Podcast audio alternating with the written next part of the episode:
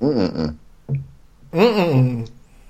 Lite mer förvarning får du ge mig när jag dricker kaffe. Okej. Tre, två, ett.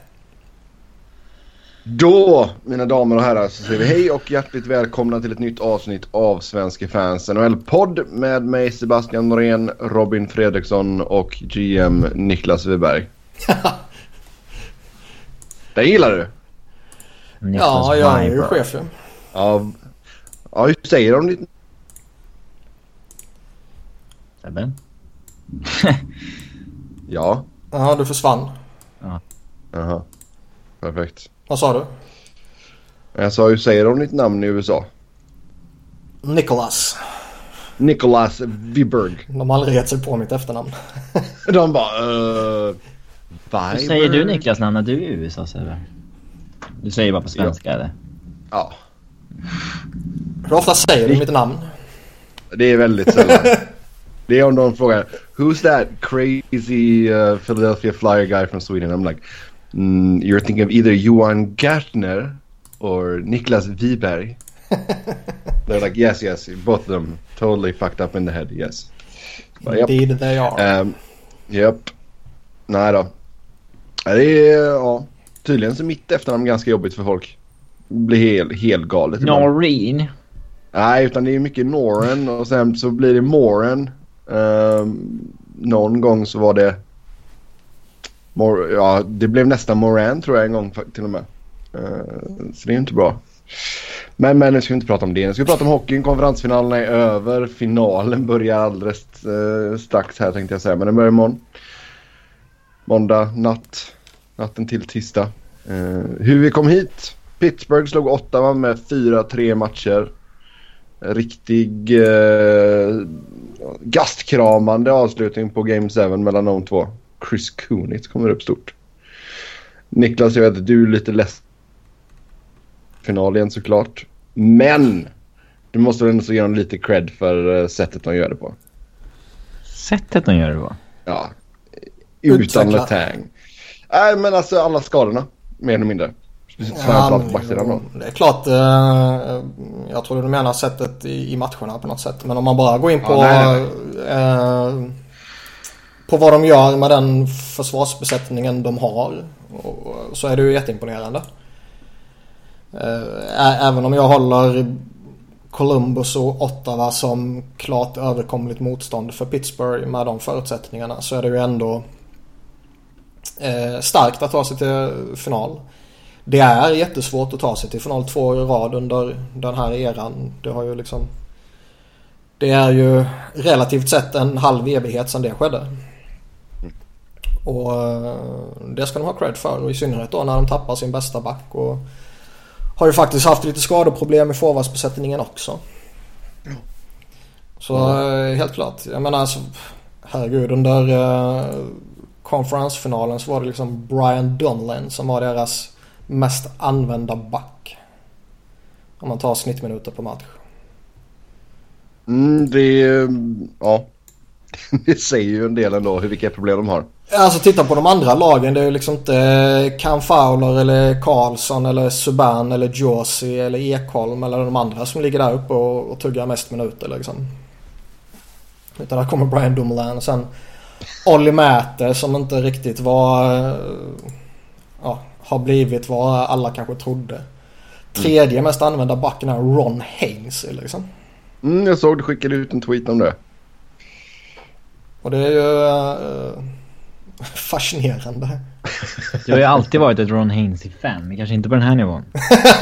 Nej. Alltså det är ju skitskoj för honom givetvis att han har gick 3000 matcher eller vad det var utan slutspel och sen eh, när han väl får spela slutspel så är han en av de mest använda backarna och spelar final liksom. Win it for Haynes helt enkelt. Nej. Winning for Ja, PK. så- Ja. Eh, vi ska prata om två matcher, eller självklart ska vi prata om Game 7, men två matcher här verkligen. Game 3, Ottawa vann med 5-1, smiskade in fyra mål i första perren. Och efter det så har vi fått se Matt Murray i målet för Pittsburgh. Um, Känns lite eller- taskigt. Ja men Robin, tror du att man egentligen bara satt och väntade på en sån match eller? Uppenbarligen gjorde man ju det. Det är bara ha! Nu du! Flurry ut! Jag tror inte det att Ja. man sagt att vänta på en stor förlust och hoppades att oh, hoppas vi kan förlora en match. Men eh, Man hade väl nog kommit överens om att vi plockar han så fort han gör en dålig match då. Eller så fort vi torskar han. ja, eller han, ja något sånt. Det, det kan jag väl hålla med om. Eh, det är ju förmodligen de facto Murray som är deras första val liksom. Ja. Men det är ju tufft också när Flurry, alltså det är ju ingen... Det är inte någon backup i all sin alldaglighet som de har och som kostar 650 000 liksom. En sån kan man ju peta även om han gör tre bra matcher. Här är det ju en annan...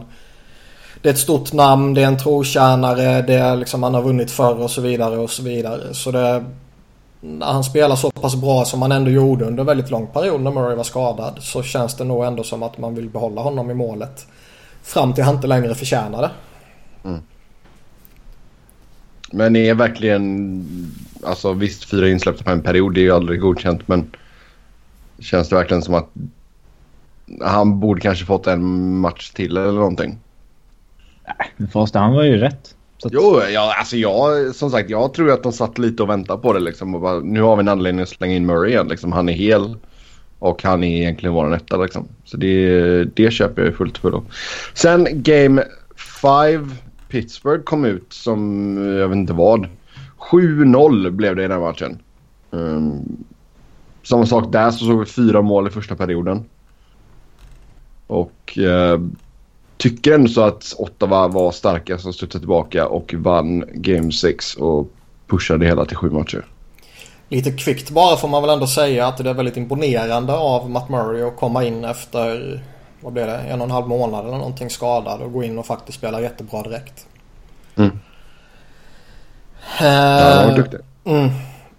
Men vad sa du nästa match där? eh, Jag lyssnade inte så noga Mm, på det. game, game 5 där när man kommer ut och skickar in sju baljer. Mm. Där, där kan ju ens Ottawa egentligen bara lägga sig ner och dö liksom. Och så tar det hem, Pittsburgh hem det i sex matcher. Men det är ju bara... Jag följde den lite sporadiskt för det var ju VM-final samtidigt ju.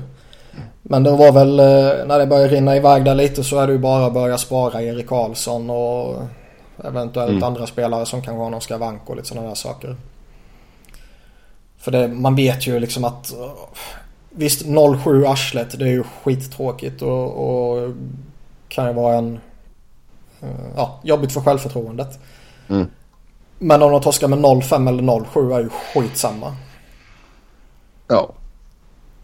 Anser jag ju. Då är det ju viktigare att spara vissa spelare och kanske få dem... eh, Alltså kan de spela några minuter mindre och slippa några tacklingar och sådana där saker så kan ju det gynna dem i de efterföljande matcherna. Oh ja. Ja, så de vann Game 6 där Ottawa 2-1. Hoffman gjorde det avgörande målet i den. Och sen då Game 7 där eh, Chris Kunitz kliver fram och är hjälte med två baljer inklusive målet i andra övertidsperioden som avgjorde matchen. Det är lustigt alltid sådana där eh, skitspelare som kliver fram i sådana matcher. Inte mycket love för uh, Kunitz. Nej men alltså han var ju jättebra en gång i tiden. Sådär... Eh, jag har inget emot att erkänna att jag har föraktat honom djupt. För han har spelat väldigt fult och väldigt smutsigt. Och, och eh, satt en måltavla på skadade spelare och sådana där saker. Saker som jag i och för sig villigt ska erkänna att jag är en jävla hycklare för. För jag förväntar mig att mina spelare ska göra likadant. Men... Eh, ja, när man står på andra sidan så irriterar man sig på det. När man står på den egna sidan så gillar man det. Så det är ju så supportrar fungerar. Men han var ju väldigt duktig i väldigt många år. Mot slutet har han ju däremot eh, tappat rejält. Oh ja. Jo, det har du helt rätt i. Men två viktiga mål i den här matchen i alla fall. Så nu är man tillbaka i Stanley Cup-final. Om vi tittar lite på Ottawa här då. Vad ska man hitta på i sommar Robin? Ja, alltså. till att börja med får man nog inte gå in i nästa säsong med förväntningen att man ska vara på den här nivån. Liksom. Mm. Lite som de gjorde senast de gick på. När de Ja. gjorde den där superupphämtningen. Ja, man får liksom... Ja, det har de gjort förut så att säga. Men man får inte kanske sparka Guy Boucher eller någonting för att man inte ligger på slutspelsplats efter 40 matcher. Nej. För det här är absolut ett lag som kan missa slutspel nästa år. Det kan de absolut, absolut göra. Mm. Eh, men eh, ja, de har signat Stone och Turris ett år till. Att förlänga med båda två redan i sommar eh, borde väl vara rätt aktuellt. Eh, de har ju chansen att dumpa en del skräp som är Chris Neal, Chris Kelly. eh, behålla de djupspelarna de vill ha behålla. Pachot, kanske Tommy Wingles, eh, kanske Stålberg, Zingle. Eh, alltså, alltså, de, de har ingen så här stökig kontraktssituation direkt. Nej. Eh, det är ingen big fish som är utgående kontrakt. Så att... Eh, Nej, alltså Peugeot gjorde ju ett bra slutspel men han är ju RFA så det bör ju inte vara några problem där. nej. Och, Uh, backsidan så är det bara Jocke Jokkipakka. Men de har liksom... Det eh, de har ju inget stort att behöva lägga fokus på. Försöka hitta några fynd på free agency-marknaden eller sådär. Är är. Däremot, vi har väl pratat om Erik Karlsson tidigare. Eh, och man bör ju redan nu börja eh, fundera på vad man ska göra där. Oh ja. Och Två ä- ä- säsonger ä- kvar på 6,5. ja, även om det är ett år kvar till man officiellt får skriva kontrakt med honom så snackar man ju redan nu ju. Det gör man ju hela tiden ju. Och gör man inte det så gör man ju inte sitt jobb liksom. Eh, och Men så tror du alltså... Frå- Frågan är liksom... Är det här, om man bara tänker rent krast på Erik Karlssons eventuella framtid i Ottawa. Är det här liksom ett skitmål i förlängning i konferensfinal? Eh, Är det, talar det för eller emot att han ser en lång period framför sig i Ottawa? Alltså, Har han liksom, känner han liksom att nej men det här laget kan fan utmana. Eh, Den här stommen kan vi göra någonting med. Och de har ju, vi har pratat om det tidigare Alltså, jag- också, de har ju några unga spelare på uppgång. Eller, eller har han liksom fått eh, smak på det nu och vill verkligen gå till en bona fide contender? Jag tror ändå, alltså det är nog tvådelat men jag tror definitivt att han har fått rejält blodad tand där nu och, och skulle nog kunna tänka sig att gå till en bonafide contender men samtidigt säga att de skulle ta sig till slutspel igen nästa säsong. Han får se några av de här yngre spelarna komma in och göra det bra. Mm, Colin White till exempel. Så jag menar då, ja, då kanske han tycker att det är okej att stanna liksom. Men det, han skulle ju mer eller mindre kunna välja vilket lag han vill gå till. Eh, ja, typ. För jag menar, där, där borde ju...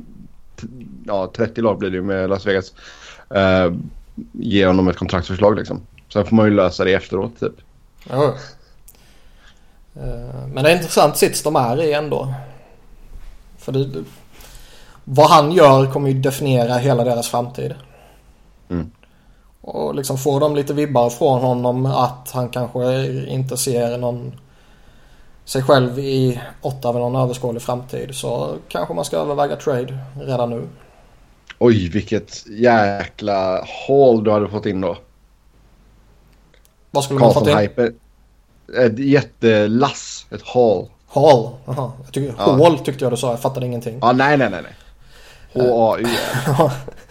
Eh, nej men det är klart. eh, Alltså två säsonger med Erik Karlsson 6,5 det är ju guld ju. Nu tror inte jag det kommer bli så. Men liksom meddelar han klubben att eh, nej jag ser inte någon framtid i Ottawa då bör de ju undersöka det så fort det bara går. Hans värde har väl aldrig varit högre. Nej. Ja, han skulle kunna vara uppsignad längre såklart. Uh, Jag tror att hans värde idag eller för två år sedan bör ju inte vara någon större skillnad. Rent logiskt. Däremot har vi ju, han hade ju enligt många... status har ökat. Ja, och han hade ju enligt många förvånansvärt liksom framstående journalister och så vidare någon form av coming out party i denna, detta slutspelet.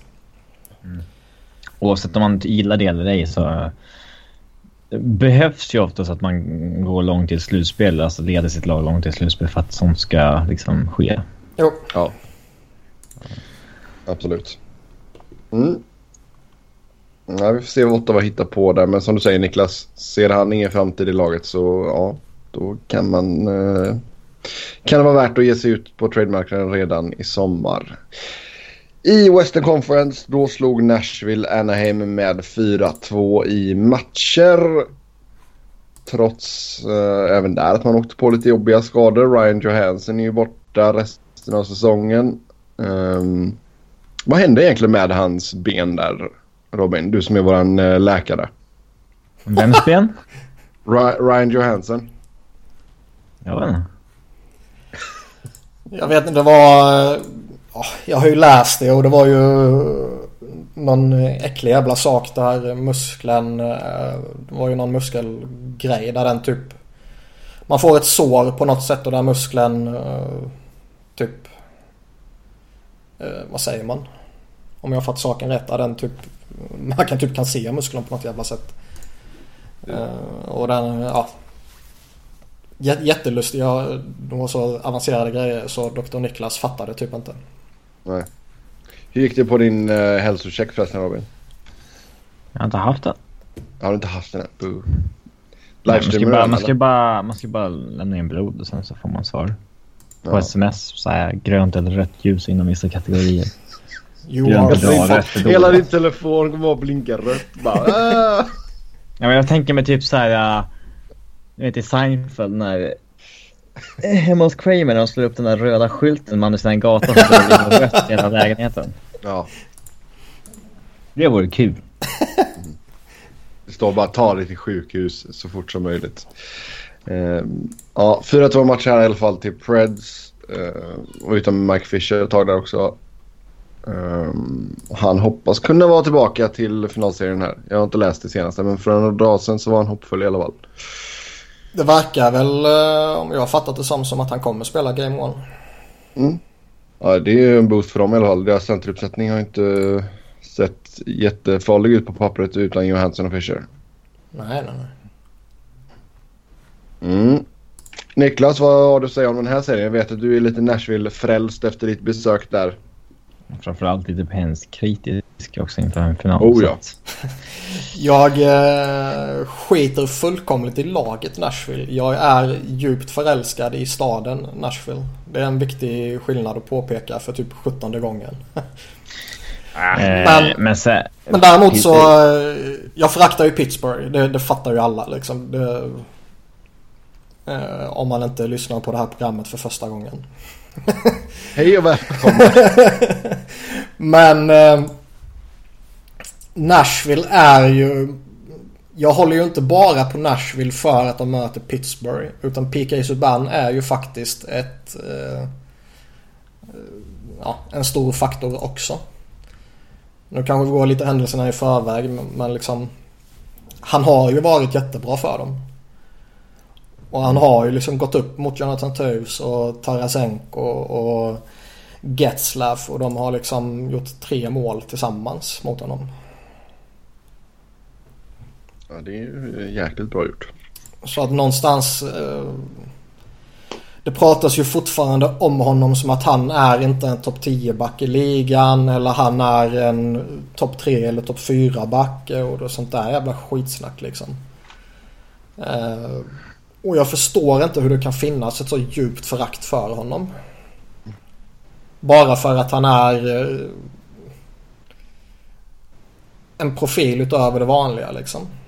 Mm. Och det är ju alla gnäller ju om hur tråkiga stjärnorna är. Hur tråkig Crosby är. Hur tråkig Jonathan Toews är. Hur tråkig McDavid är. Liksom. McDavid, ja. roboten. Han är tråkig som fan. Ja. Och här har vi en superprofil som är en sån extremt värdig arvtagare till typ Jeremy Roenick som uh, ja, den stora profilen, den stora, han som syns och hörs och står ut liksom. Om man pratar, om man lägger liksom själva hockeykvaliteterna åt sidan. Mm. Och eh, att man inte väljer att marknadsföra PK Subban så hårt så det bara finns inte liksom. Det tycker jag är jättelustigt. Och här kan man ju faktiskt också dela in som Kevin Weeks var, var inne på om det var för en vecka eller två sedan liksom att han, han är den första svarta riktiga superstjärnan liksom. Och med tanke på vilken historia det finns i USA och vilken verklighet det fortfarande finns eh, vita kontra svarta så tycker jag det är lite förvånansvärt ändå att ligan liksom inte drar ännu hårdare på honom. Mm. Mm, nej, det är som du säger, det är konstigt på många nivåer där. Det är inte så att han verkar vara något, något uh, vad heter det, något rövhål utanför planen eh, eller utanför isen direkt heller liksom. Man har ju sett vad han har gjort med uh, det barnsjukhuset i Montreal och sådana grejer. Så det är, ja, och det är liksom ytterligare en sån här grej som gör hela situationen jätteabsurd. Mm. Att man verkligen, att så många väljer att se ner på honom liksom. Bara för att han tycker det är skoj att spela hockey. Mm. Nej, det är jäkligt konstigt. Och istället så tar man och promotar folk som slår taxichaufförer och Mm. håller på. Men men. Tyvärr är det den verkligheten vi lever i. Ehm, varför gick det som det gick i den här serien då, Niklas? För att Nashville gjorde mer mål än Anaheim. Mm. Bra analys där. Robin, vad har du att säga? vad har du att lägga till? Eh. Ja, alltså. Du kan inte bräcka det kommentaren alltså. Ja, men det är mycket slump alltså när det är så tight. Det, det är ju det. Eh, sen tror inte jag det, det hjälpte väl inte Anaheim att man... Att eh, Hampus Lindholm och Sami Vatanen spelade med två rätt allvarliga skador. Eh, Nej, de var ju båda halvdöda tydligen. Lite problem Ja. på Rakell också. ja, tappat lite spelare där. Eh, Å andra sidan så har vi precis pratat om vad Nashville har tappat också. Så det, mm. det går väl jämnt upp. Carlisle är galningen. Börjar, när Nashville tappar Johansen börjar han prata om att ja, vi har spelat utan Patrick Eves. Det är också ett jättetapp.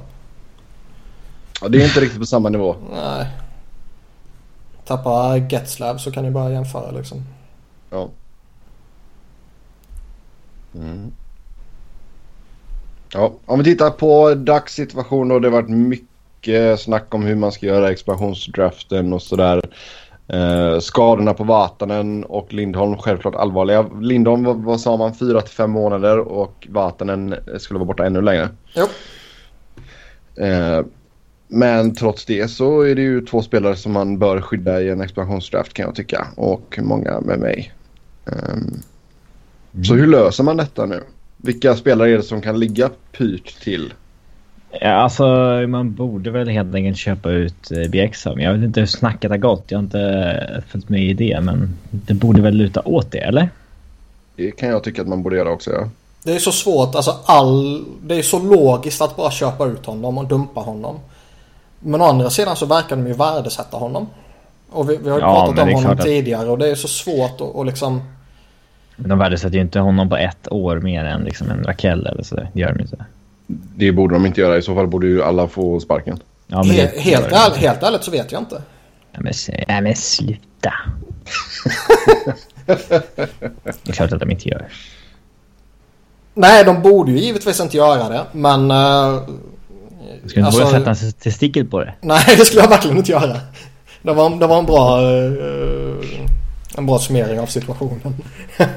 Men även om de köper ut honom och, och liksom slipper... eh, eller han kan ju till och med wava och exponeras utan att köper ut honom liksom. Så är de ju fortfarande i ett läge där de måste göra någonting utöver det.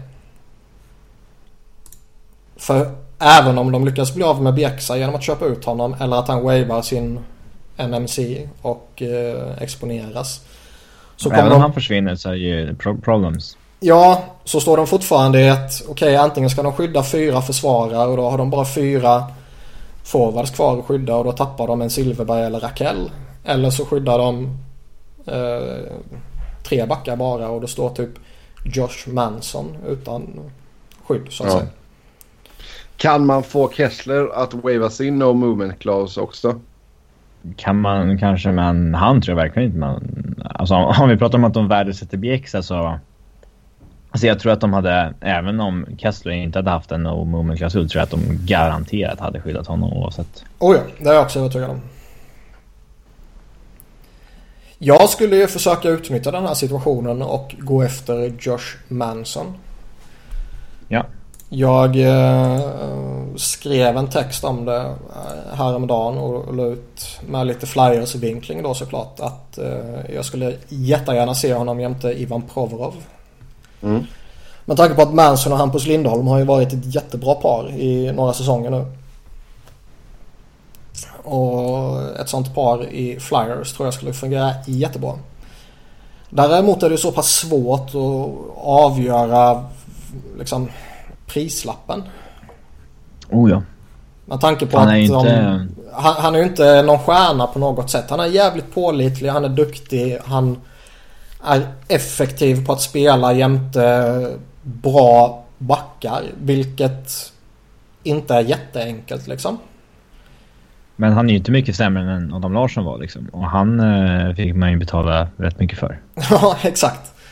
Det- Eh, Men man, sen kan man ta en vinkel till då liksom hela problematiken med expansionsdraften liksom. Att Anaheim är ju desperata på ett sätt som vi sällan har sett med tanke på att det inte är expansionsdraft så jätteofta och inte en sån här med det här upplägget liksom. Nej. Kan Så- man eventuellt eh, muta Veg- Vegas med sitt första val som blir väl val 28 eller något sånt där? Med att de inte ska ta en Manson till exempel. Om man väljer den routen. Ja, antingen måste man göra det eller så måste man trada iväg honom. Men Oavsett vilket, alltså hur, hur man än gör så kommer man gå förlorad ur den här tror jag. För jag tror, alltså man, man borde rimligtvis inte få maxvärde för vem man nu väljer att trada. Nej. Alltså det kan lika gärna bli Nej, nej, så blir det ju. Cam Fowler de väljer liksom. Nu tror inte jag det med tanke på skadesituationen här så eh, kommer de ju behöva eh, behålla honom är jag helt övertygad om. Så det känns som att han som hamnar i kläm blir ju Josh Manson. Eller så offrar de någon av Rakell eller Silverberg i en trade. Eller så offrar de, som Robin var inne på då, skickar någonting till Vegas mot att inte eh, ta ja, någon attraktiv så att säga utan ni får det här mot att ni tar eh, Antoine Vermette från oss liksom. Ja. Men det, alltså, det känns väl nästan som det, det som skulle göra minst skada på laget så att säga.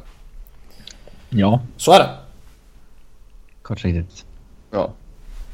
Men en jävligt Så, svår eh, sits. Det, är liksom, det finns eh, typ en handfull alternativ som alla känns logiska. Det är jäkligt svårt att döma vissa GMs för hur de agerar i de här expansionsdrafterna också. För att man vet inte allt eh, som händer. Löften hit och dit. Om ni inte tar honom så gör vi det. Och, ja. Exakt. Alltså, Ve- Vegas eh, går in i draften med tio första val liksom. Nej, så det, men det, jag tror att Robin som du sa där skickar första valet och så får han ta något lite sämre liksom. Det, det känns som det mest logiska i alla fall från Ducks synvinkel. Jag tycker inte att man ska skicka Rakell. Jag tycker verkligen inte man ska skicka Silverberg. Och ehm, Fast det, så det, det. det, kan ju, alltså med tanke på att Lindholm och Vatanen är borta väldigt länge och kan ju missa en, en bra bit av inledningen så kan det ju faktiskt vara så att de är desperata på att behålla både Cam Fowler och Josh Manson. Och Mm. kanske de inte eh, vill riskera att tappa någon annan av sina backar heller liksom. Nej, alltså du har ju nio backar uppe just nu på, med kontrakt då. Så plockar vi bort Lindholm och Vatanen, ja då är man på sju. Simon Dupré är väl fortfarande skadad också va?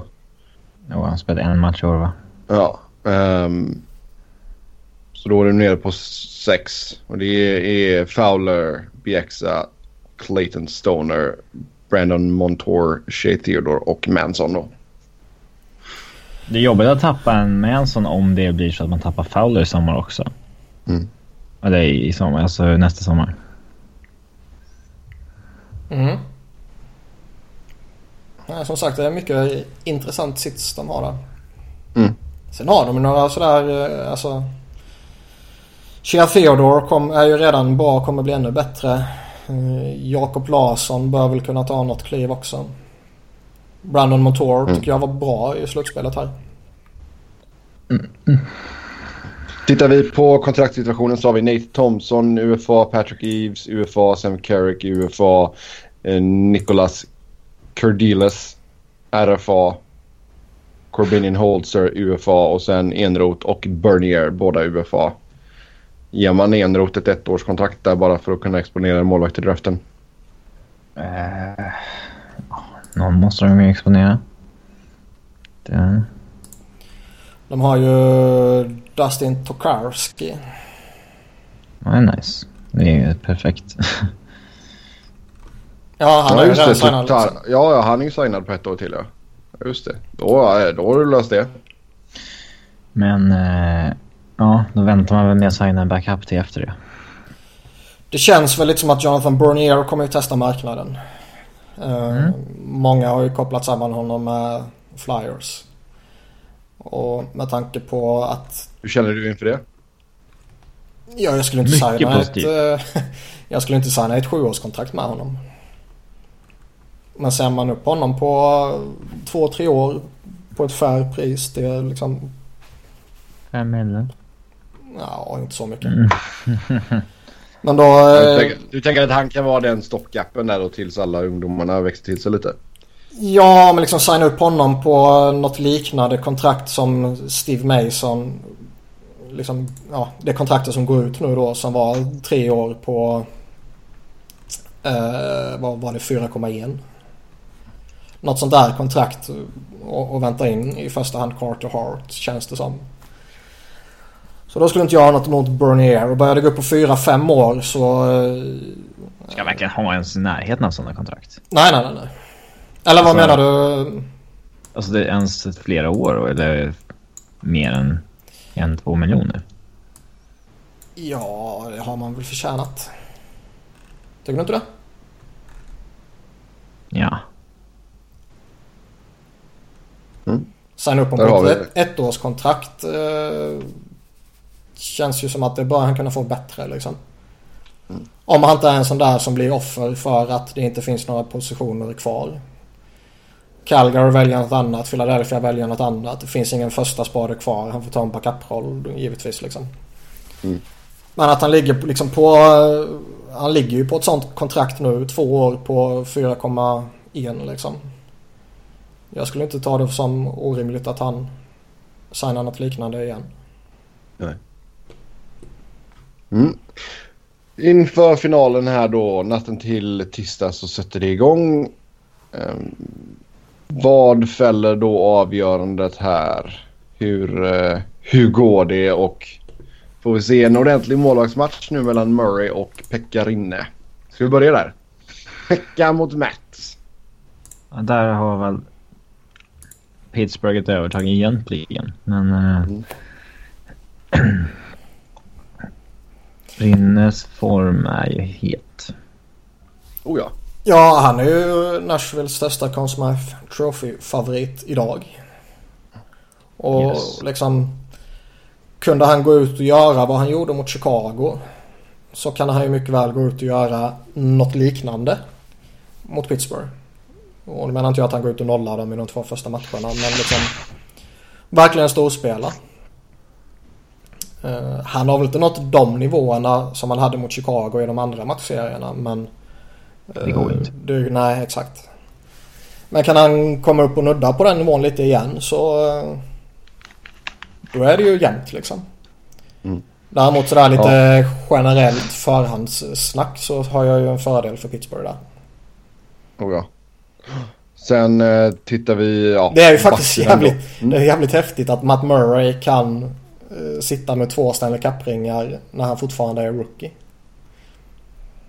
Ja, det är ganska absurt snarare. ja. Nej, men han har kommit in och spelat bra nu så vi får väl... Uh, Pittsburgh hoppas självklart att han kan hålla i den formen han har visat på de få matcherna han varit inne. Tittar vi på eh, backsidan då, Nashville. Där har vi snackat mycket om att man kanske har ligans bästa försvar. Ryan Ellis, Roman Josi, Picke Subban, Mattias Ekholm. Alla har gjort det bra. Uh, Ellis har slängt in 11 pinnar. Josi 10, Subban 10, Ekholm 8. Um, ehm, som han hjälper till i offensiven också. Och det har varit lite mer scoring by committee i Nashville. Uh, Filip Forsberg är bäst där med 8 fullträffar. Han toppar laget med 15 poäng. Fast det är ju egentligen först i konferensfinalen som han verkligen vaknar till i sitt målskytte. Mm. Han kan ju vara lite sådär... Eh, Stricky. Ja, Asada fast streaky vad gäller. Om pucken trillar i den eller inte. Det är väl det som räknas. Men... Uh, det är ja. väl definitionen av streaky va? Mm, ja, alltså om du... Alla är streaky i så fall. Ja. Det finns ju ingen som har jämn fördelning på sitt målskytte över en längre period. Nej. Uh, nej. Men det brukar vara lite ketchup-effekt på honom. Det är ju... Alltså Pittsburgh har ju ett sjukt övertag i centerbesättningen. Eh, de hade, även om Rand Johansson är frisk och tillgänglig så har ju Pittsburgh ett jätteövertag där. Och utan mm. honom så är det ju liksom ett snuskigt äckligt övertag. Men grejen är att sam, oh ja. samma sak kan ju sägas om backarna.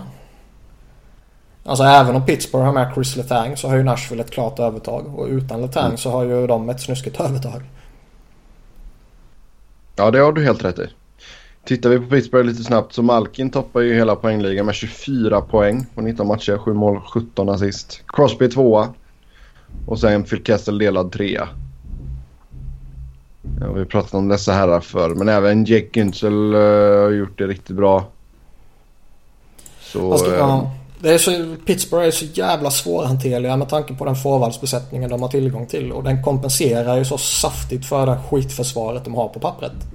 Oh ja. Att så, så länge de håller sig flytande med det försvaret så kommer ju den forwardsbesättningen göra att man verkligen är att räkna med. För det är ju liksom, det är ju hur jävla svårt som helst att först gå upp mot Sidon Crosby och när han försvinner ut i båset och du känner att ja, nu kan vi pusta ut lite. Då kommer Malkin in liksom. Mm. Och när båda, ja, och när båda två sitter i båset så kanske du måste kämpa mot en Phil Kessel beroende på vilken kedja han är i. Eller en Hörnqvist eller Jake Ansel eller Nick Bonino eller de här liksom Brian Rust och Connor Sherry. De här kan ju också komma från ingenstans och pytsa lite. Och helt plötsligt bara vakar Chris Kunitz till liv från ingenstans. Karl Hagelin har de ju fortfarande någon form av svarkapital i. Jo ja. Och sen får man ju ge fasen i att ta utvisningen här. Pittsburghs PP ligger på 25 procent. Ja, det kan vi se om alla lag. Special teams under en kort period kan ju vara väldigt missvisande åt båda hållen. Nu säger inte jag att det är det i det här fallet. Men... Uh, alltså 19 matcher får väl ändå ses som en ganska bra sample size ändå va?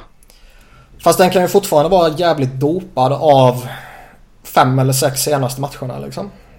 Jo. Nu har jag inte något så pass nördat ner mig så att jag har någon koll på om det är så i det här fallet. Och jag säger inte att det är så.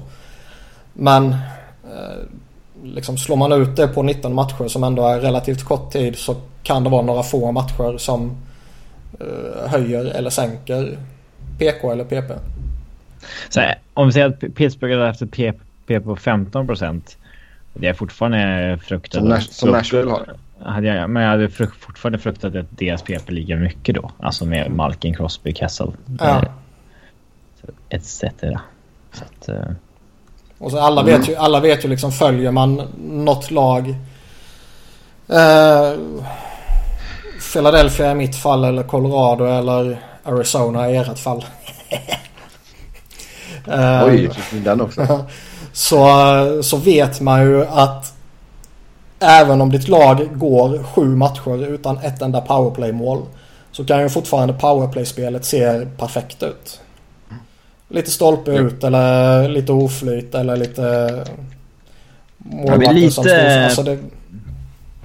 det blir lite passé att basera PP-statistik på mål. Alltså liksom mål så att säga.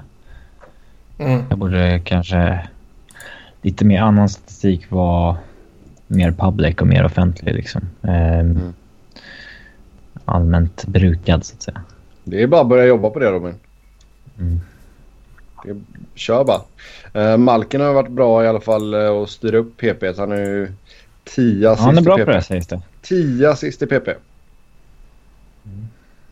Så det är inte illa pinkat. Phil Kessel har gjort fem mål i PP. Nej, nej, men klart att man är en bra spelare där liksom. Och även om, som Robin sa, deras eh, procent skulle vara bra mycket lägre så slänger du ut Crosby, Malkin, Kessel, Schultz och lite sådär. Eller Hörnqvist för mål. Ja. Mm, hur blir det med Hörnqvist nu? Jag vet inte. Han är väl fortfarande lite osäkert väl. Men om jag fattar... Vi är så jäkla hemliga liksom. Så att det är svårt att... Det är svårt att veta. Mm. Uh. Mm. Det ser inte ut som att det kommit in någonting eh, det senaste i alla fall. Så vi får se, vi får se. Ja, då eh, ska vi väl eh, ta och försöka säga hur det går också. Ja, det blir lite... Eh, man, man glömmer inte bort eh, James Neal, Patrik Hörnqvist-traden när de här två möts i final. Det är alltid intressant när det är någon sån trade lagen emellan som har skett på sistone. Mm. Ganska stor trade också. Mm. Det, det, det är ju skoj också för det är liksom verkligen två helt skilda förutsättningar som lagen går in med.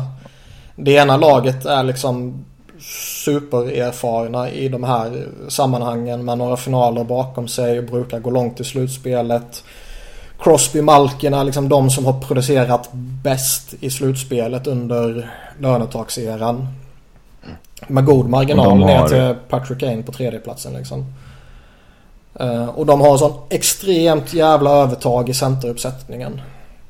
Vilket jag personligen tror blir väldigt avgörande. Sen har du Nashville då som gör sin bästa säsong någonsin. Som aldrig tidigare har varit i konferensfinal och som logiskt nog aldrig tidigare har varit i Stanley Cup-final heller då. Och som inte har några centrar av liksom toppkaliber när Johansson är skadad. Och Nej, däremot extremt alla försvar. Fall att ska honom. Ja, då kanske man i bästa fall kanske man kan spela 1-1 mot någon av Pittsburghs toppcentrar. Ja, nu är det ju liksom nu är det just dag och natt. Mm. Precis som om vi jämför backsidan hade det i alla fall varit... Ja, det hade ju bara varit ett vanligt... Det hade ju bara varit ett övertag så att säga om det hade varit Letang frisk. Men nu när ja. han inte är med där så blir det ju ett, ett extremt övertag. Precis som det är för Pittsburghs fördel på centerpositionen. Mm. Um. Jag har ju sagt många gånger att jag tror det är svårt att vinna Stanley Cup utan att ha en riktigt bra center. Mm. Men man kan ju vinna en runda utan en riktigt bra center. Ja, och det, det Gå igenom fyra någonstans... runder är svårare, men nu tappar man honom nu inför sista. Ja, och det är väl där någonstans man landar. Jag, jag, tror ändå att liksom, med tanke på vilket extremt övertag de har och med tanke på hur mycket jag ändå värdesätter centrarna så talar det för Pittsburgh för min del. Mm, samma för mig. Uh, vi var ju alla blessed att få vara tre av 200 pers som svarade i Per Bjurmans stora finaltips på Sportbladet. Han publicerat dem? Mm, det är ut nu. Så in och läs med er. Uh, jag sa 4-2 matcher. Robin, du sa väl också 4-2 matcher till Pittsburgh? Mm. Niklas, vad sa du? Jag, kom inte, jag fick inte scrolla ner så långt så att jag såg det. jag trodde att du sökte upp mig direkt. det är kul när han slänger in folk så här i det här ja, Bjurman har ju en blogg på Sportbladet där han listar 200 pers. 200 pers har fått tippa finalen då.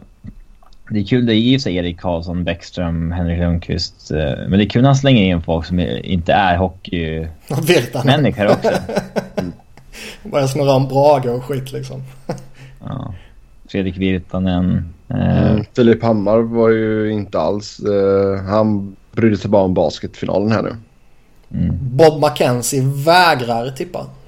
Japp, alltid. Ja. Det är coolt. Mm.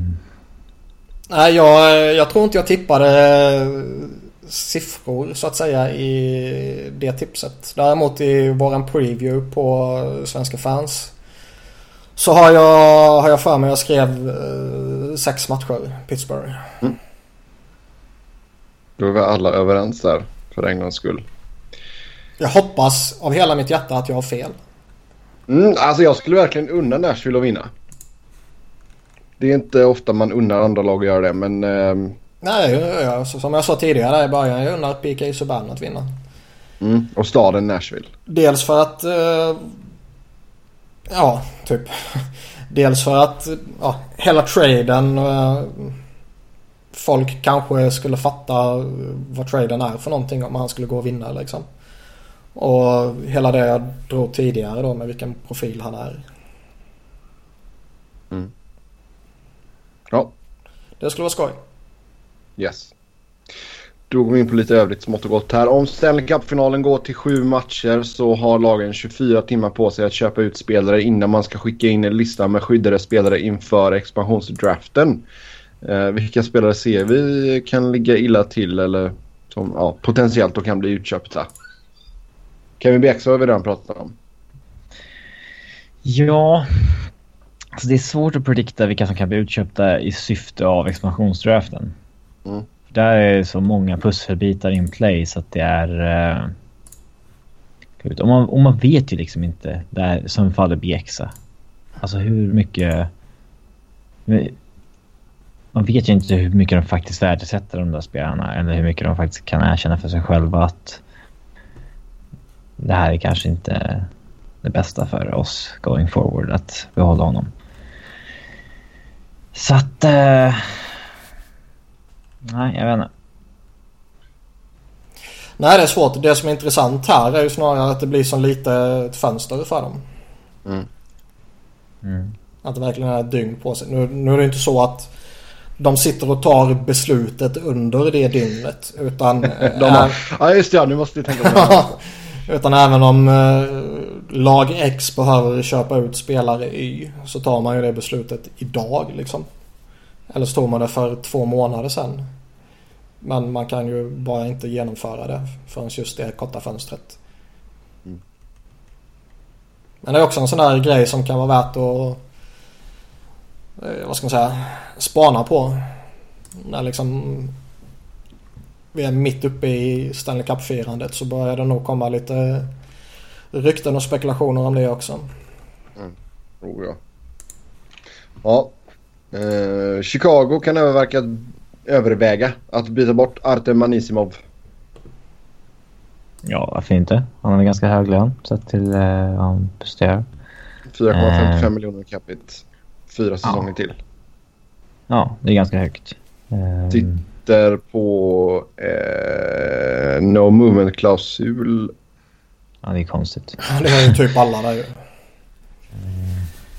Fast de har ju satt sig själva i ett läge där de måste offra någon spelare. Någon relativt högavlönad spelare med tanke på att de signat upp Brent Seabrook på ett bedrövligt kontrakt och med tanke på vad Kane och Toews tjänar. Mm. Hur många år har Hossa kvar? Fyra ja.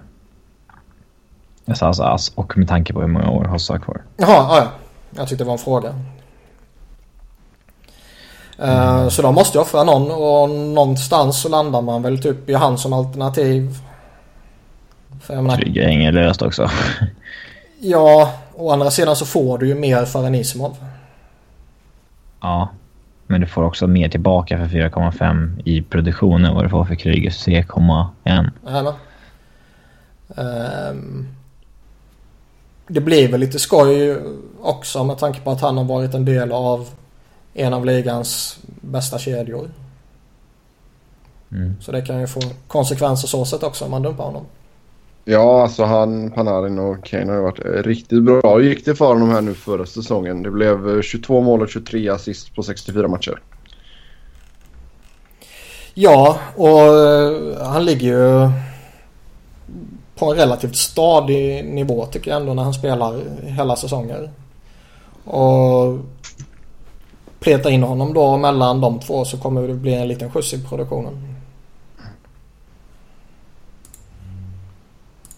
Plus att eh, någonstans tror jag det har man Panarin och Kane på varsin kant och man verkligen vill släppa loss dem så behöver man nog en väldigt ansvarsfull center för att kunna på något sätt maximera liksom tvåvägseffekten för kedjan om man säger så. Ja. Alltså om du ska sätta Nisimov i något fack här när det kommer till eh, den positionen han spelar. Liksom, vart, vart skulle du lägga honom? Du behöver inte säga exakt vilken plats han skulle vara på men i vilket skikt så att säga. Ja, du sätter. Ja, en väldigt duktig andra center. Mm. Skulle han kunna vara första center för något lag? Ja, hade ju inget bra lag i så fall.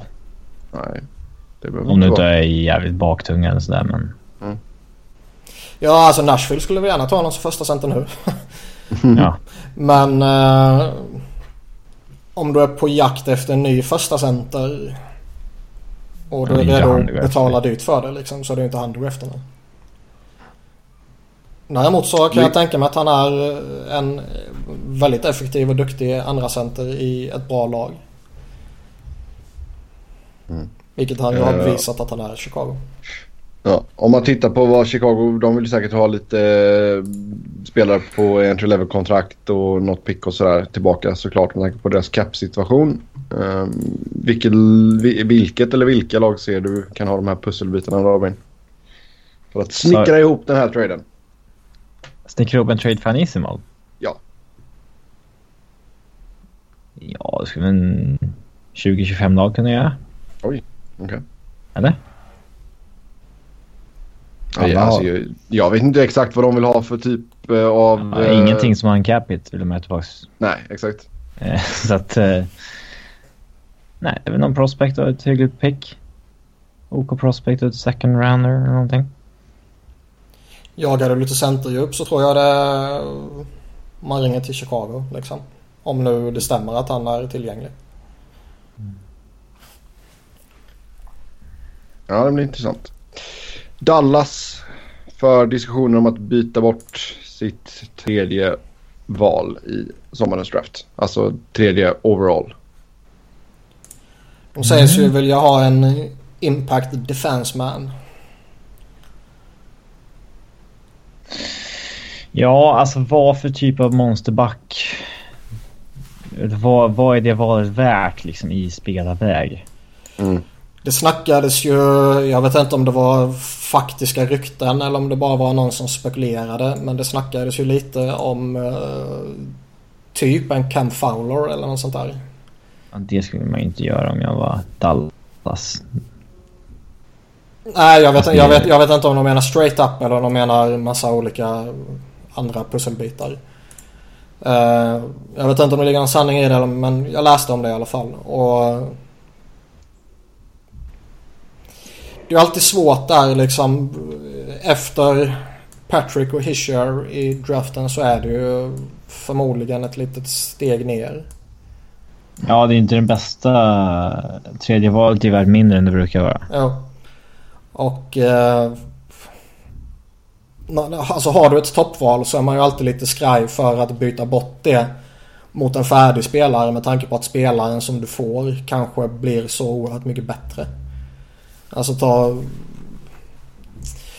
New Jersey eller Philadelphia de ska byta bort första eller andra valet. Eh, vilket är en Patrick eller Hischer mot någon annan spelare och sen går Patrick och blir liksom de kommande tio årens bästa center i ligan efter Conor McDavid. Um, och så fick du själv liksom Nathan McKinnon som eller, kvar på 60 poäng. Eller, eller så bryter han benet på camp och så blir han aldrig en vettig spelare igen. Ja, jo, nej men det är ju lite så. Däremot så... Mm. Nå någonstans så... Att skicka iväg en extrem talang eller ett pick och sen se den spelaren göra supersuccé någon annanstans. Det är jävligt smärtsamt. Och det är man ju skraj för att utsätta sig för liksom. Men någonstans känns det som att detta året är det väl kanske bara första och andra valet som det kan tillämpas på.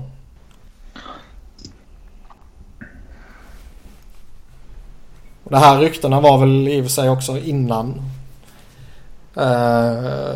Lindholm och Vartanen försvann. Jag kan tänka mig att Anaheim är betydligt man- mindre sugna på att dumpa Ken Fowler nu. Ja.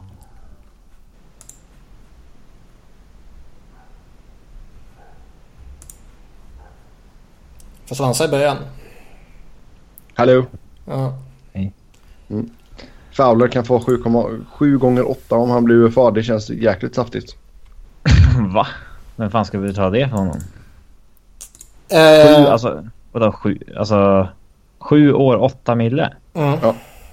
Det var enligt några executives i lag i ligan som tror, enligt ett rykte eller spekulationer, jag vet inte, att eh, han kan få det om han blir UFA. Herregud. Ja. Jag tycker väl han är värd någonstans där han ligger nu. Fyra. Ja, jag kan tycka att han kanske ska upp lite från fyra. Jag tycker han har tagit kliv den här säsongen. Men, ja. 5,5 då som högst, högst, högst. Ja, och det, var, det är väl lite över som jag sa. Men att han ska upp på de siffrorna, det... Visst, man kan alltid få överbetala lite om du går på jakt på free agent-marknaden och eh, kanske är han ensam back när han blir UFA och så vidare. Men även under de förutsättningarna så känns det ju... Eh, liksom dubbla lönen känns ju väldigt hårt. Oh ja. Mm. Sen eh, har vi fått eh, rapporter också om att Vancouver inte kommer göra sig av med Chris Tanev eller Alexander Edler samt att man vill förlänga med Ryan Miller. Att man vill förlänga med Miller är väl inte jättechockerande. Det kanske till och med är logiskt. Frågan är ju snarare vem man satsar på. Det känns väl som att man borde lämna över förtroendet mot Jakob Markström. Oh ja. Och sen, Sen, Miller eh, på ett eller två år och låta han vara backup där. Ja. Varför inte? Vad tror du att Miller kan kosta i cap hit?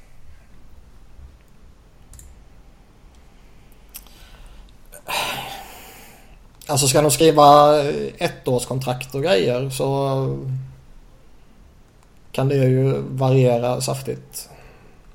Men säg att du signar honom på ett tvåårskontrakt då. Jag skulle ju inte gå över 3 miljoner. Nej. Någonstans känns det som att han kan landa där någonstans.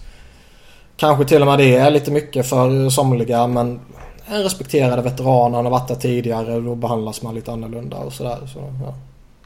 Mm. För du har ju Markström på 3,66. Eller ja, 3 666 667 dollar. Sen har han säkert några cent också. Säkert några cent. Men eh, ja. Förlänga med honom är väl inga problem. Och de har liksom... Men köper han Gott rollen om- som backup då? Nej det är väl det som är problemet. De har gått om capspace och sådär. Så det är väl inga problem om de betalar heller egentligen. Mm. Utan allting handlar ju om vad man vill göra med de två målvakterna. Mm. Det var ju viktigt för, man inte... det var ju viktigt för Miller att flytta till västkusten också. För han har ju frugan där. När han flyttade till Vancouver. Ja. Så han kanske inte är Ja, jättesugen på är att skådespelerska av något slag. Ja, exakt. Så han kanske inte är jättesugen på att flytta ut till östkusten igen. Nej. Och då kanske jobb... Eller arbetstillfällena i, på västkusten kan ju vara begränsade. Oh ja. Så då kanske man får ta Mm. det man får så att säga. Ja, exakt. Sen signade man Filip Holm på ett ettårskontrakt, 925 000. Känns väl som Mycket bra. ganska- Mycket bra, ja. Ett smart move där. Ja, där kanske han till och med kan ta en plats också. Oh ja. Det var ju... Vilket annat lag var det som var intresserade av honom? Toronto. Toronto var det. Känns som kanske valde Borgman eller Rosén före. Mm. Kan inte signa hur många som helst. De signar alla svenskar efter Toronto. Men det är klart alltså man... Man kan ju hamna i ett roligare lag. Chicago är ju alltid på jakt efter de här billiga backarna också. Uh, och visst, du... Men för, för Holms del handlar det bara om att få NHL-minuter. Ta sig in någonstans. Ja, och det kan ju bli svårt av uppenbara anledningar i Chicago. Däremot så platsar man inte i Vancouvers försvar så är man ju dålig. Mm. Där kan det finnas skeva coacher också i och för sig. Men... Eh, eller skeva... Ja, bedömningar från ledningen också. Ja. Men... Eh, eh, jag tror ändå att det inte är så dumt val av honom. Där har han ju en bra chans att jobba sig in. Jo. Eller ett mm. dåligt lag, det är inte hans problem. Nej, han kan ta ett år där och sen så kan han se om. Sen kan han gå till en contender. Sen har vi Buffalo som signade Viktor Antipin på ett år, 925 000 plus bonusar. Antipin född i Kazakstan. Jag tyckte han var bra i VM. Eh, ryssarna kom ju med relativt liksom profillös backbesättning. Och eh, hade ju några spelare från KHL som ja, de gjorde inte vad ska man säga, de gjorde inte jättemycket poäng i KHL och då liksom inte de mest namnkunniga i Bogdan Kiseljevic till exempel. Uh, Antipin en annan. Men jag var imponerad av honom. Och uh, han borde inte ha några problem att ta en ordinarie plats i Sabres. Å andra sidan så ska man väl säga som man alltid säger när det är KHL-spelare som ska till NHL att vem fan vet. Men det är inte så att konkurrensen är mördande direkt. Mm. Mm. Så vore jag hemska tanke Sabres-supporter skulle jag ändå vara lite hoppfull om den här signingen. Yes. Sen har vi två signingar från San Jose. Filip Sandberg, två år, 607, 767 000 plus bonusar. Och Radim Simek, ett år, 925 000 plus bonusar. Filip Sandberg tyckte jag var... Eh, när han kom fram där och gjorde lite JVM och sådana här grejer tycker jag det var en rätt intressant spelare. Sen har det väl alltid mm, talat... Extremt liten klubba. ja. Sen har det väl alltid talat emot honom att han själv är väldigt liten också. Det, det är ju fortfarande en faktor liksom. Även om det har blivit en, ett betydligt mindre problem. Mm, han har ju stått lite still i tre, fyra år i Sverige. Mm. Eh, men... Eh... Jag har ju svårt att se honom att han bara är en sån där självklar spelare som går in i NHL efter kampen. Nej, de är ju lite size fetischer där också. Mm. Han är liksom 1,74. Mm. Det kan nog bli Barracuda till en startare i alla fall. Det är inte fy skam. Nej. Där började också Marcus Sörensen. Titta på vad han är idag. ja. ja. Ja, det finns ju sämre ställen att bo på än San Jose i alla fall. Ja. Simek var ju med i VM för Tjeckien och uh, gjorde ju det helt okej okay, liksom. Och någonstans mm. är, det, är du bra i ett VM så borde du ha hyggliga chanser att lukta på NHL liksom. Sen sista grejen här och det är Steve Ott blir assisterande coach i St. Louis. Ja, skönt att slippa honom. Ja. Eller? Bra. Ja, det, ja det, det räcker med det faktiskt. Vi går in på Man... lyssnarfrågorna som vanligt så tack för att ni har skrivit in till oss. Det uppskattas alltid. Först ut så har En vi... snabb grej bara. Det är intressant ja. att det ofta sker att spelare som har haft en viss roll i ligan per automatik typ uppfattas vara bra coachämne. Mm. Ian LaParriere Flyers till exempel. Ja ah, men han var en bra PK-spelare. Vi slänger in honom för att styra upp vårt PK och så har det varit kaos liksom. Ja. Um...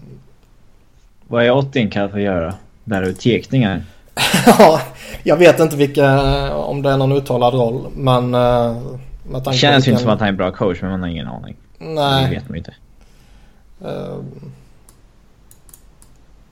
men det känns liksom som att slänga in honom i AHL liksom. Låta honom bevisa vad han går för där i så fall. Ja. Ja, vi har inget nytt om Ulf Samuelsson va? Tuff-Uffe. Tuff-Uffe. Länge, blivit länkad till Chicago Blackhawks. Ja. Jag vet. Palla bry sig. Ja, men han kommer ju bli vår första svenska headcoach i NHL. Ja men när han blir headcoach kan jag väl bry mig då men för att Okej. han ska liksom... Det är en bra Han- bit till att han blir headcoach. Alltså det... Jag, ty- ja. jag, tycker, jag tycker inte han är mer relevant att prata om än liksom andra assisterande coacher som eh, ska byta klubb liksom. Alla är inte så tuffa Uffe. Nu får du, ja tuff Uffe har vi en softspot till här. En, Ja, det hade vi fram till han svek oss i OS. Ja, fy fan. Hemskt. Hemska bilder. Usch, vad ledsen han var. Ja, som sagt, in på lyssnarfrågorna här nu. Eh, varför lyckas Du har Penguins... skippat VM. Eller Ja, sparar det har jag gjort. Ja, det har jag gjort. Eh, ja, vi tar väl VM första. Eh, mm, Sverige vann guld. Grattis. Över till lyssnarfrågorna. Nej då. Ehm, ja, allmänt snack om VM. Vad stod ut? Hur tycker du att VM-turneringen i helhet var, Niklas? Eh, som vanligt att det var några enstaka matcher som var intressanta. Resten var ju tämligen uh, halvdana. Mm. Det var liksom Kanada, Ryssland var ju hur jävla häftigt som helst. Jag tyckte det var Det var relativt skoj genomgående att se Ryssland och Kanada för de är ju på en annan nivå liksom.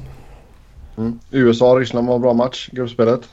Ja, verkligen. USA var ju fram till de sköt ner sig mot Finland eh, ett av VMs bästa lag. Mm. Vad har vi att säga om Sverige då? De gör en bra match och det räcker till guld. Och det säger det mesta om VM tycker jag. Ja. Du skrev ju en krönika om det på Svenska fans. Ja, och du piskar igång hatet efter två minuter typ. Ja, Och sen fick du mothugg. ja det, är, det är kul att det finns folk som backar Mm, Svenska fans. ordföranden i min supporterklubb. Ja, eh, nej, Niklas hade skrivit en krönika på Svenska fans. Då gick Som jag var jävligt kommenterade med... Eh, Ja, jag läste inte riktigt så mycket men... eh, jag skrev bara bort med Wiberg från Svenska fans i kommentarerna. Och då fick jag emot hugg. Av, inte dig då, då. Nej.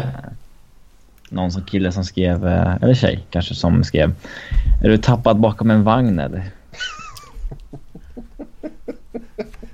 Och den här klassiska, eh, varför börjar du inte skriva själv då om du är så jävla duktig? Ja, det var skoj. Det var lite tråkigt att det inte var fler som tog rygg på ditt hat. För det är skoj. Har du lyckats piska igång någon gång? Mm. Alltså du är ju tvungen att skriva om Joel Lundqvist då vet du. Nej, nej. Det här var ju... När var det? Micke Samuelsson var det.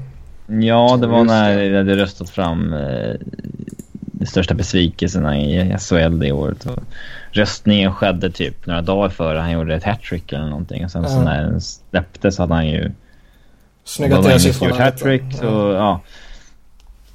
Men det var väl många som hade röstat så lite slentrianmässigt. Bara, ah, han har ju bara gjort en halv poäng per match. Han, han kan ju vara med liksom. Ja, jag kommer från NHL och så vidare. Ja, och eh, då, då, då piskade jag igång lite hat. Då fick man ju med sig många människor som... Alltså syftet då var att, vad säger man? Channel allt hat mot Niklas eh, Inte liksom mot artikeln i sig, utan Niklas som hade publicerat artikeln. Eh, han, det var inte han som hade utsett Samuelsson till flopp, utan han hade bara publicerat resultatet. Ja, det var skoj. Den kan man, den kan man googla på. Det är bara att söka på SHL besvikelse eller Samuelsson typ. Ni kan också googla på uh, Elitseriens mest överskattade spelare på Svenska fans. Och så får ni fram när jag utsåg Joel Lundqvist typ 2010, 10 någonting. 11 något sånt där. Och eh, jag har aldrig fått så mycket hat och jag har aldrig skrattat så mycket. Mm, alltså det, läser man den idag, den tar aldrig slut. Det är typ 100 kommentarer. Ja, det är skitskoj. Ni- 90 av dem är liksom rent eh, passionerat hat mot mig. Mm. Sen någon för, eh, förstår sig inte på hockey och så, sådär. Mycket kul. ja. Eh, ja, spelarkritik? Frågetecken har vi en punkt där också angående VM. Vem är det du vill hata på nu Niklas? Lundqvist. Ja. Nej men han är ju grovt överskattad. För det första, det som vi har sagt tidigare, han ska ju inte vara i VM överhuvudtaget. Och han ska definitivt inte vara någon kapten liksom. Ehm, men jag hade väl inget speciellt syfte med att skriva så. Det var mer att... eh, det är väl skoj ändå att se de här toppspelarna på något sätt. Eh, jag tycker det är jävligt skoj att det gick så bra för William Nylander. För jag är helt övertygad om att det först är nu som den stora massan förstår att han är bra på riktigt. Mm. Jo men så blir det ju när det är, alltså, det är mycket mer alltså, casual fans som kollar på VM liksom. Ja, Mm. men jag förstår ju att så många inte kan följa NHL. Så är det ju. Mm. Och så blir man målad en väldigt konstig bild av vissa journalister om man bara följer mainstream media liksom och inte hänger på någon Twitter och hittar de som man faktiskt märker följer ligan ordentligt. Så, Mm. så kan man ju förstå det. Sen var ju Nikita Gusev var ju en väldigt trevlig överraskning i Ryssland. Gåsen kan man. Ja, som har breakat i KHL denna säsongen och eh, var ju, tog lite tid innan han fick eh, fart. Men när han väl eh, kom igång så gick det ju jättebra ju. Mm. Och eh, tillhör ju Tampa Bay men vad det verkar som så har han inte jättebråttom att lämna KHL och det är ju positivt. Då kliver vi in på lyssnarfrågorna. Och som sagt, tack för att ni skrev in. Varför lyckas Penguins nu? Frågetecken. I år med en medioker backuppsättning och eh, både Malkin och Sidney Crosby har ju haft bättre slutspel tidigare. Bättre coach? Frågetecken. Ja, det är väl där det hamnar. Eh, de har ju bara... Mm. Alltså, jag tycker det är intressant att debattera huruvida det här är ett Ray Shero-lag eller ett Jim Rutherford-lag. Men eh, man kan i alla fall slå fast att eh, Rutherford eh, insåg vart dagens hockey var på väg och gick ifrån det här uh, Craig Adams, Tanner Glass-gänget i, i djupet och gick över till spelare som kan bidra. Eh, och sen en coach som samtycker med den filosofin. Så det är väl den stora nyckeln tycker jag. Ja. För att Crosby och Malkin och det gänget har ju alltid varit så här bra. Alltså så länge du har den stommen som Pittsburgh har. Så ska det ju mycket till om en GM ska kunna förstöra allt för mycket. Mm. Och de hade ju absolut kunnat vinna, vinna någon till under Billsma och Shero också. Ja. Alltså om de hade... De hade otur med skador i fel tillfällen och sånt där. Mm. Eh, Men har liksom Crosby och Malkin som dina två toppcentrar och Chris Letang där och sen antingen Fleury eller Murray så kommer du ju över en längre tid kunna utmana liksom. Mm. Vilket de har gjort också och vilket de kommer göra de kommande säsongerna också. Ja. Det Rutherford har gjort bra är ju faktiskt att han har spetsat till liksom. Försvaret är ju fortfarande, jag var inne på tidigare liksom, det, det är ju vad det är men han har ju spetsat, svårlöst. ja, han har ju spetsat till en forwardsbesättning som gör att eh, ja, det är jävligt svårt att stå emot dem liksom. Som vi pratade om tidigare. Däremot är det väl Shero som eh, la grunderna för det givetvis. Sen Predators har fått med sig en stor skara medgångssupportrar denna vår. Gillar det verkligen Nashville eller är det hat mot övriga lagen? Mm, Eh. ja, det är väl eh, gillande av Nashville. För det har väl pågått Ja. hela året egentligen, eller? Ja, alltså det har ju fått extra fart här nu i slutspelet såklart. Um, Ja, men det är väl klart. Alltså, det handlade väl mest om att uh, PK Subban hamnade där. Jag tror Alltså, att, jag- eh, att han har hamnat där tror jag är den stora faktorn.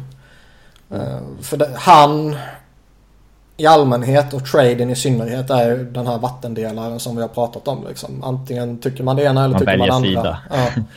Ja, exakt. Och eh, en väldigt stor del står ju på PK Subans sida. Och någonstans så blir man väl eh, fast på Predators bandwagon då.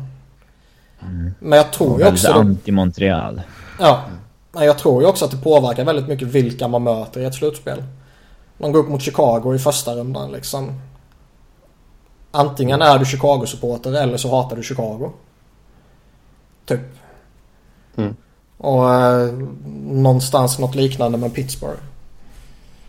Så jag tror eh, det finns lite olika faktorer. Och jag tycker också, som vi har pratat om tidigare, jag tycker Nashville är roliga att titta på. Jag förstår inte skiten de får liksom.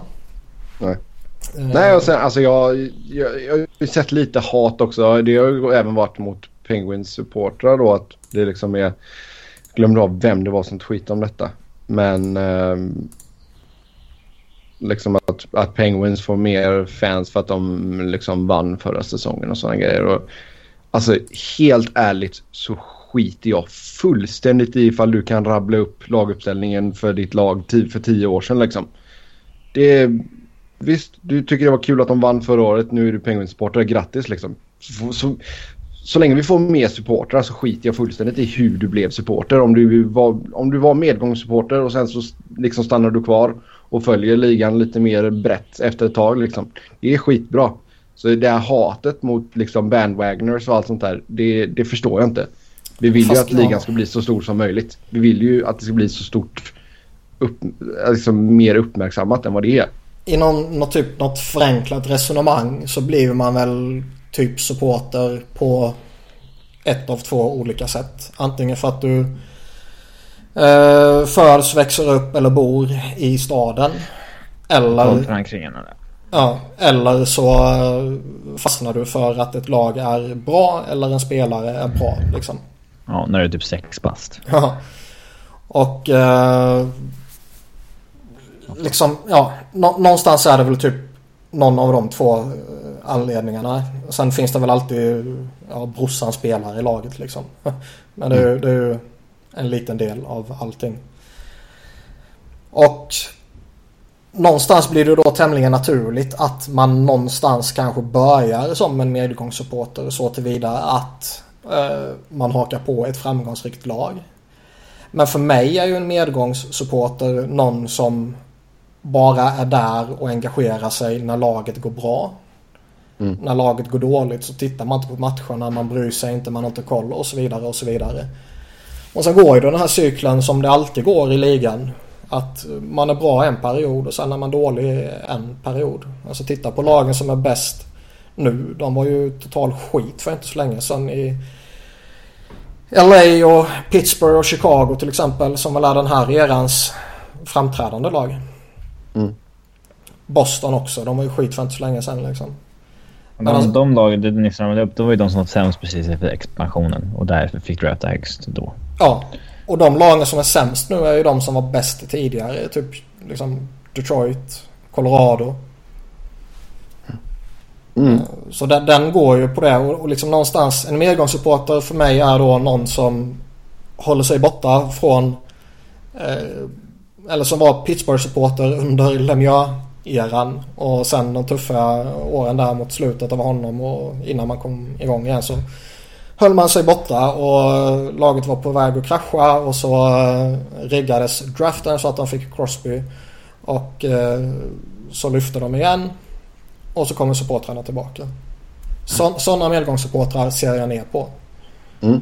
Eh, Men liksom... Men att du blir supporter av ett lag för att det går bra liksom och du... det- Nej men det är så det fungerar liksom. Ja, Det är inte lika charmigt om du kanske är 30 bast, men... Nej nej. Nej, nej. men alltså om du blir fanatisk eller, eller liksom support vid 30 års ålder så fan kudos. Kör på bara. Det, vi vill ha mer fans helt enkelt. Mer fans. Vi fortsätter på Predators-spåret här. Hur viktig är Pekarinne för Predators försvar? Magisk med klubban. Han kan vara okej mellan stolparna och ändå ha big impact. Kan han bli avgörande i finalen? Ja, målvakter är ju alltid extremt avgörande. Sen är det klart att eh, är man så duktig som han och vissa andra är med klubban så underlättar det ju för försvaret. Där han kan gå ner och hämta en puck och Ge dem bättre förutsättningar istället för att de ska behöva ner bakom målburen och hämta den vända gång och han kan till och med vända spelet lite fort och sådana där saker mm. liksom. Så det tror jag underlättar. Jag, jag, tror väl inte man ska överskatta den eh, eh styrkan heller. För jag, jag, tror ändå att det är liksom en väldigt liten del av allting. Men jag tror ändå att det underlättar. Mm. Men känns inte han liksom lite mer stabil också? För jag menar, vi har ju sett Mike Smith är ju sjukt bra med klubban. Men han kan ju ställa till det ordentligt emellanåt. Det känns inte som att Rinne har samma liksom eh, strulpotential där när han är, håller på med pucken. Det kan vara lite slump och lite oflyt och sådana där saker. Men visst alltså.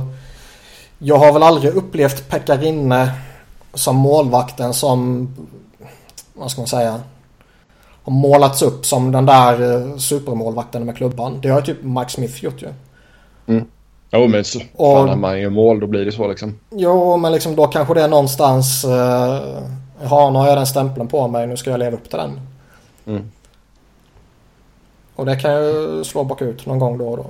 När man mm. liksom, ja, ja, man ska hålla det vid liv liksom.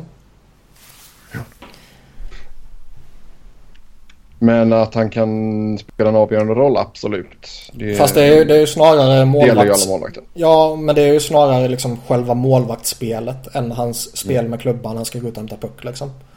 Oh ja.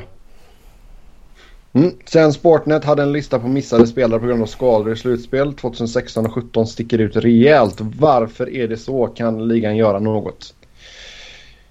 Ja, det kan man kan göra. Det är att korta grundserien, men det kommer de aldrig att göra. Alltså jag, jag tror mycket kan vara slump och tur och otur och så vidare. Eh, däremot, tur, otur ja. Ja men du kan ju ha tur ett år och otur ett annat år. Ja. Det är det jag menar. Mm. Eh, och med tur så menar jag de andra åren, inte de här två åren som han nämnde då. Men jag, jag tror också att det kan vara lite att Alltså spotten är ju kvickare nu. Oh ja. Det känns som att skaderisken har ökat. Eh, sett till liksom... Eh, vad ska man säga? Den var kanske farligare tidigare men då var det ju överfall och ett helt annat spel. Men eh, nu går det så pass fort som man bara pratar snabbhet har skaderisken ökat. Känns det som utan att ha någon som helst jävla belägg för någonting. Så bara sitter jag och flummar. Nej men, men vadå, att, att, att spelet har blivit snabbare det kan vi väl alla komma överens om att det har blivit. Ja. Sen är det väl någonstans så undrar jag om man ska dra in hela eh, diskussionen om liksom våld mot huvudet också. Där det känns som att det har blivit mer och mer frånvaro för sådana saker. Alltså i, någonstans Fast har Att det ökar alltså? över tid liksom. Att man tar det mer på allvar kanske. Eller kanske, det gör man ju bevisligen för förr spelade med hjärnskakning. Nu gör ju inte det. Mm. Um... Nej men kan det inte just vara det att det är lite mer fokus på huvudskador än vad det var förr? Jo det är det jag menar. Nu tar man det på så allvar liksom. Men nu är det ju riktiga mm. skador. Ja, fast man tar det ju inte på allvar men ändå. Allt, allt är ju relativt. Man tar det inte på tillräckligt stort allvar. Men man tar det ju på större allvar nu än när man tvingade spelare spela med det tidigare. Ja. Så jag tror det kan vara massa sådana saker och... Största grejen tror jag bara är en slump liksom. Mm. Sen vet man ju inte heller liksom vad... World Cup, hur påverkar det? Mm. Ja, det är sant. Det är ju några mer matcher där liksom. Mm. Nästa fråga här. Kan ett lag som inte vinner vara mer värdiga än de som faktiskt vinner? Ja. Ja, absolut. Just vi, vi följer en extremt eh, slumpartad sport. Mm. Okej. Okay. Inte schack liksom. Nej, det är verkligen inte. Uh, vem får sämst kontrakt i sommar? Tippa spelare och lag. Ja, sämst, alltså, alltså sämst som är överbetald antar jag. Ja. Uh, Carl Alsner om han når uh, free agency-marknaden tror jag kan få... Det är jättesvårt att säga lag såklart. Mm. Men... Eh, Det går det är lite intressant nu för det går lite snack om att TJ Oshie och Washington kan vara nära kontraktsförlängning. Mm. Ska han vara kvar där så bör det rimligtvis bli lite billigare än vad han liksom borde fått på marknaden. Oh ja. Sen tror jag väl att han de närmsta åren kommer han fortfarande vara bra. Så hans kontrakt kommer kanske vara ett mindre problem den närmsta tiden. Utan det blir ett problem beroende på hur långt kontraktet blir. Karl Alsner håller jag väl med Robin om där. Att eh, om han signar ett långt och förhållandevis dyrt kontrakt så kan nog det bli problematiskt. Mm. Det känns som en sån här back som liksom blir en UFA så vet, signa Edmonton eller någonting. Mm. Vancouver. de ju hon. Ja. Eh, ska vi se här lite snabbt också vad vi har. För potentiella free agents. Annars är det ju de som är liksom där uppe. Det är ju gamla gubbar som bara ska ha ett år eller några få år. Ja, det är sant. Uh, Shattenkirk ser vi väl inga problem med. Nej, han tror jag kommer... eh, Betalar man en miljon för mycket för honom så betalar man en miljon för mycket för kvaliteten då. ja. Ja. Visst, ger man honom 11 miljoner så är det väl för mycket givetvis ju. Men Jo, jo. Ja. Ja, nej. Det finns... Det kommer alltid vara någon som blir överbetald. Så enkelt är det ju. Ett gäng. Martin Hansal kanske. Ja. Ja, det känns som att hans status har tappats lite liksom. Men visst, om han får fem mil på lång tid över någon så det är inte bra liksom. Mm. Sen nästa fråga här. Strålman snackar om att media ska stötta Tre Kronor. Hur ser ni på det? Skitsnack. Japp. Eh, Samtycker. Ehm, Sen tycker jag att han har rätt i att det finns vissa som är överkritiska. det var för låg nivå på vissa. Ja, Nej, men han oh ja. tyckte att det var för låg nivå på en, en viss journalist. Det har vi väl eh, tagit upp förut att vi håller med om. Eh, Jag kan förstå att man som spelare tröttnar ut Oh ja. rejält. Eh, Jo. där Jo, har, men alltså, det- i det snacket det har han ju en poäng i ju. Ja. Det där det liksom. får- Där, där, däremot att man ska vara eh, hejarklacksmedia. Det är det ju citatet, inte. jag vill just citatet, ni är väl, de är väl ändå också svenskar. De vill väl, ni ska ju stötta oss typ. Mm. Där är han ju fel. Ja. Men att, eh, att han var kritisk till att liksom hela det där med HV och allt det där. Det, det köper jag ju. Ja, men det ska han Alltså, ju få det- skit för och det fick han ju också. Ja. Men däremot det här att liksom media ska supporta laget. Nej. Det är fel. Vart går den gränsen då liksom? Ska de inte rapportera om någon särskild grej typ? Eh, alltså, Ja, eller ska man inte kritisera? Ska man bara bygga upp och bygga upp och bygga upp? Eller liksom... Nej, jag tycker han var jävligt snett ute. ja. Den enda media som liksom uteslutande ska stötta spelare och klubbar är ju liksom den egna median, alltså officiella hemsidor eller förbund. Sådana där saker. exakt. Och där kan man väl då köra eh, tunga argument för att det inte är media på samma sätt liksom. Nej, exakt. Nej, nej, om deras Twitterkonto vill gå ut och eh, liksom boosta dem så det är väl inga problem. Ja. Däremot att eh, liksom Tre Kronor, jag säger som jag sa tidigare, de gjorde en bra match i VM och det räckte till guld. I övriga matcher var de på många sätt för dåliga. Och, och liksom då ska de fan höra det. Mm. Jag kan, jag kan hålla med det här snacket som jag hörts eh, med jämna mellanrum och som eh, där Robin faktiskt gjorde en bra inlägg för några år sedan om JVM. Att där kanske det blir för långt liksom. För det är ändå småpojkar.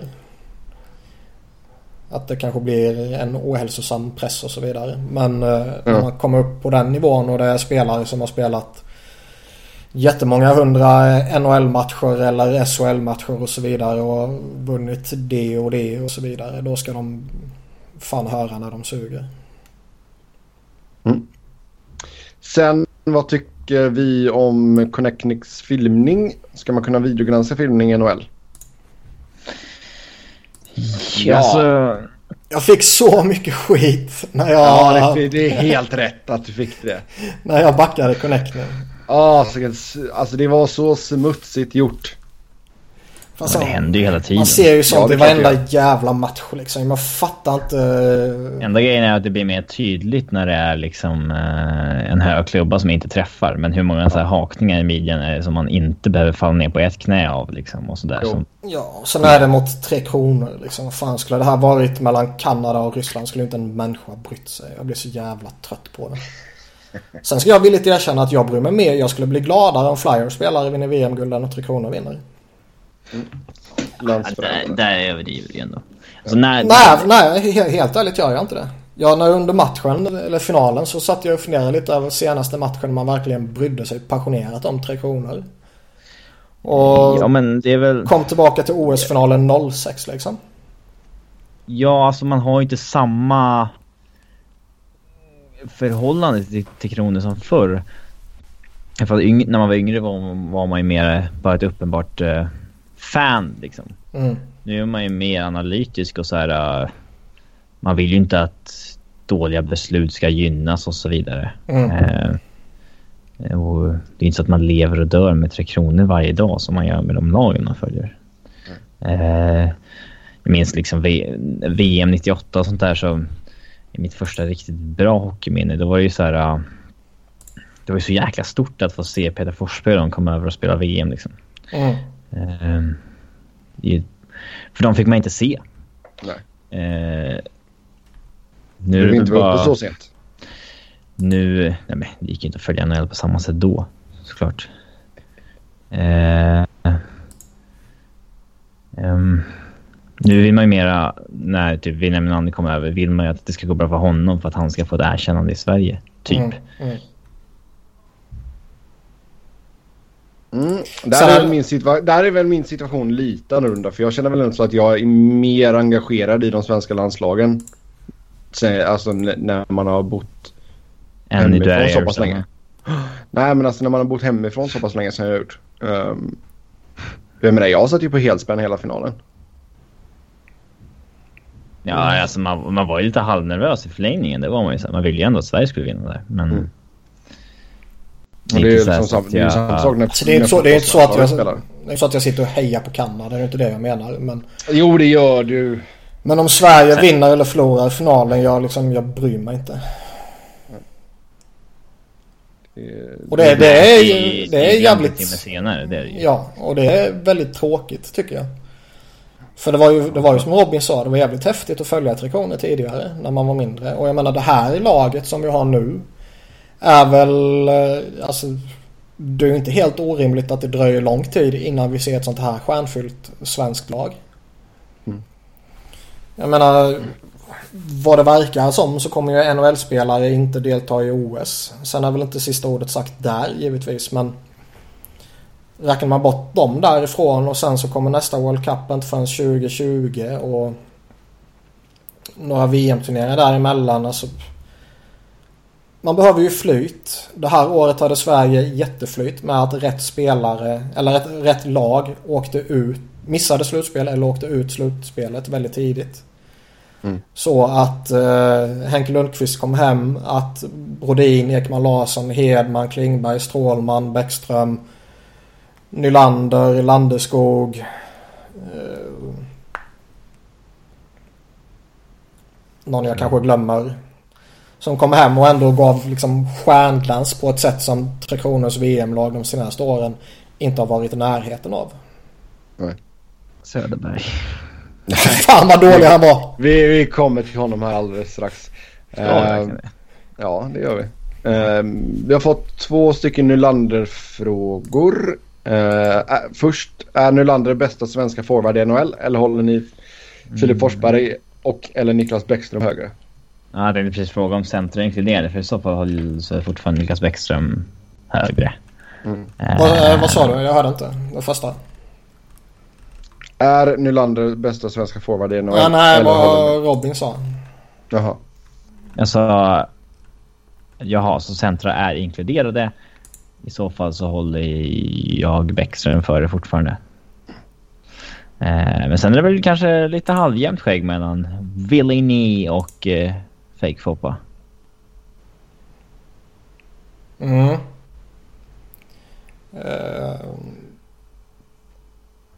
det, känns, ja, det känns väl som att det är väl ingen annan som riktigt...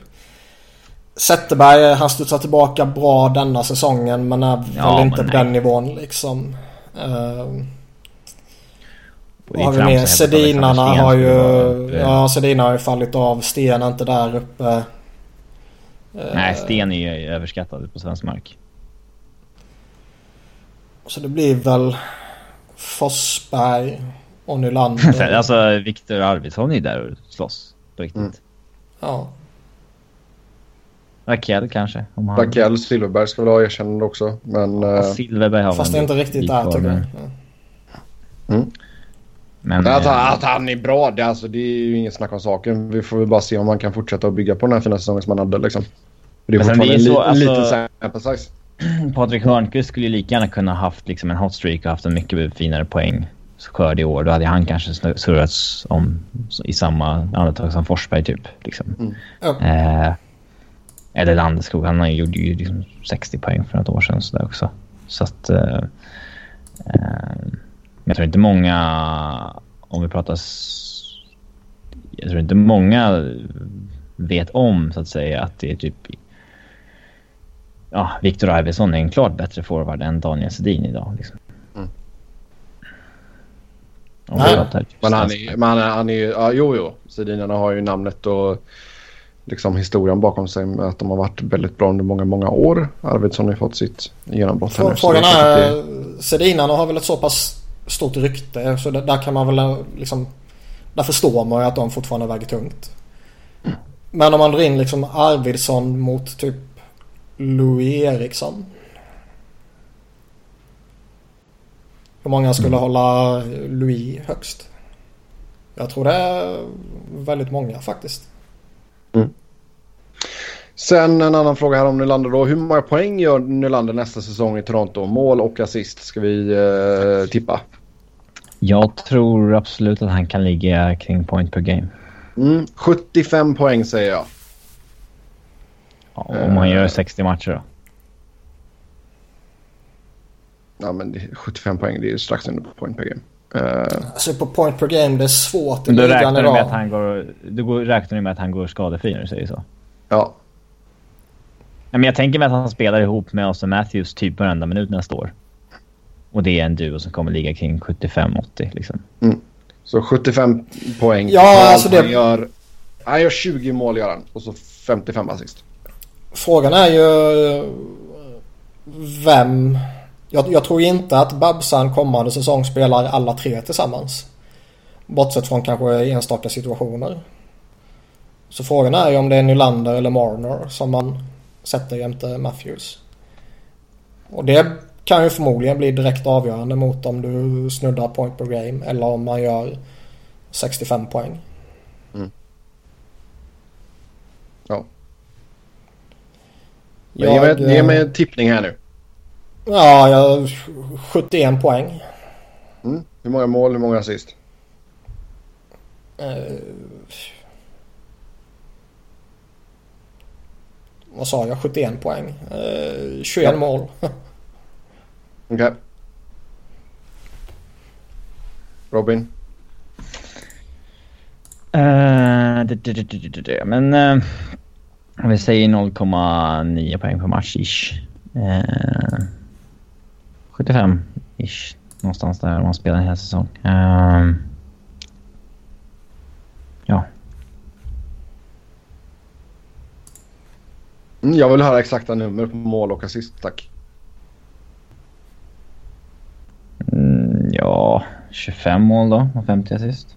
Okej, okay, bra. Nästa fråga. Når Vegas slutspel första året? Nej. Nej.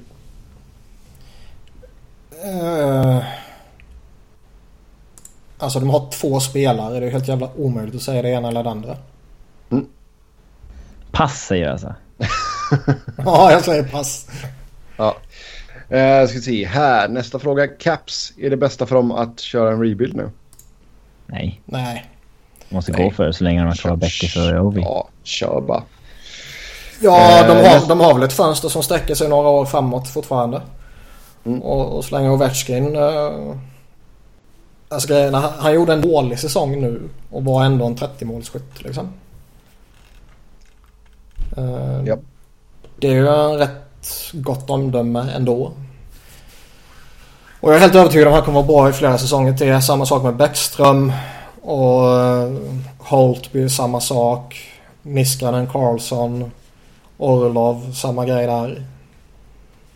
De har, de har lite för många spelare som är eh, eh liksom för bra för att man ska eh, ens ta den diskussionen tycker jag. Sen, vilka svenskar har höjt respektive sänkt sin NHL-status under VM? Till exempel då Söderberg som var usel. Alltså menar vi svensk mark då eller NHL-mark? För jag tror inte någon i NHL typ bryr sig om vad som händer i VM egentligen. Alltså jag tror att på ett positivt sätt så är det väl någon som kan ha liksom höjt sig. Det är klart att alla i Toronto media retweetar att Nylander blev MVP typ så. Ja, exakt. Men eh, Alltså jag tror ändå att ytterligheter tror jag kan påverka.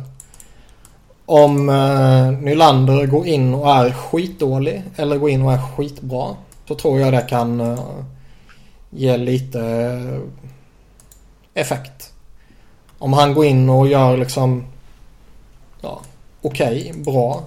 mm, Står inte ut på något sätt liksom. Då tror jag inte det är någon som bryr sig. Nej. Victor Hedman till exempel. Jag tycker han var skitdålig. Jämfört med vad han borde kunna vara. Och jämfört med vad han varit en stor del av säsongen. skitdålig verkligen säga. Allt är ju relativt ju. Det var inte så att han var usel på isen. Det är inte det jag menar. Men sett till vad han har presterat i Tampa så tycker jag att man kan förvänta sig väldigt mycket mer av honom. Mm. Men jag tror ju inte direkt att liksom, är man på hans nivå så oj han var dålig i tio matcher. Ja, men fan bryr sig. Ehm. Men Carl Ja. Söderberg kommer från den säsongen han gör. Vara utskrattad redan innan VM. Komma in i VM och vara verkligen tokusel. Där tror jag mycket väl att eh, hans anseende har sjunkit lite här hemma. Ja, det har det väl gjort. De som följer NHL vet väl redan hur kass han har varit den här säsongen och då kanske det inte är så konstigt att han eh, är det i VM också. Ja. Även om det, man har, alltså... Eh, det var ju intressant med Söderberg i VM för man visste ju inte om han skulle liksom lämna den säsongen bakom sig eller om det liksom... Det här var ju ett tecken på att det kanske är liksom att han är på kraftig nedgång snarare på riktigt. För nu kan han ju inte skylla på ett dåligt lag liksom. Mm. Eh, ja. Eh, nytt snack om att det är Beckis som har skapat Ovechkin. Mm, What kan hålla käften om det eller Sebbe?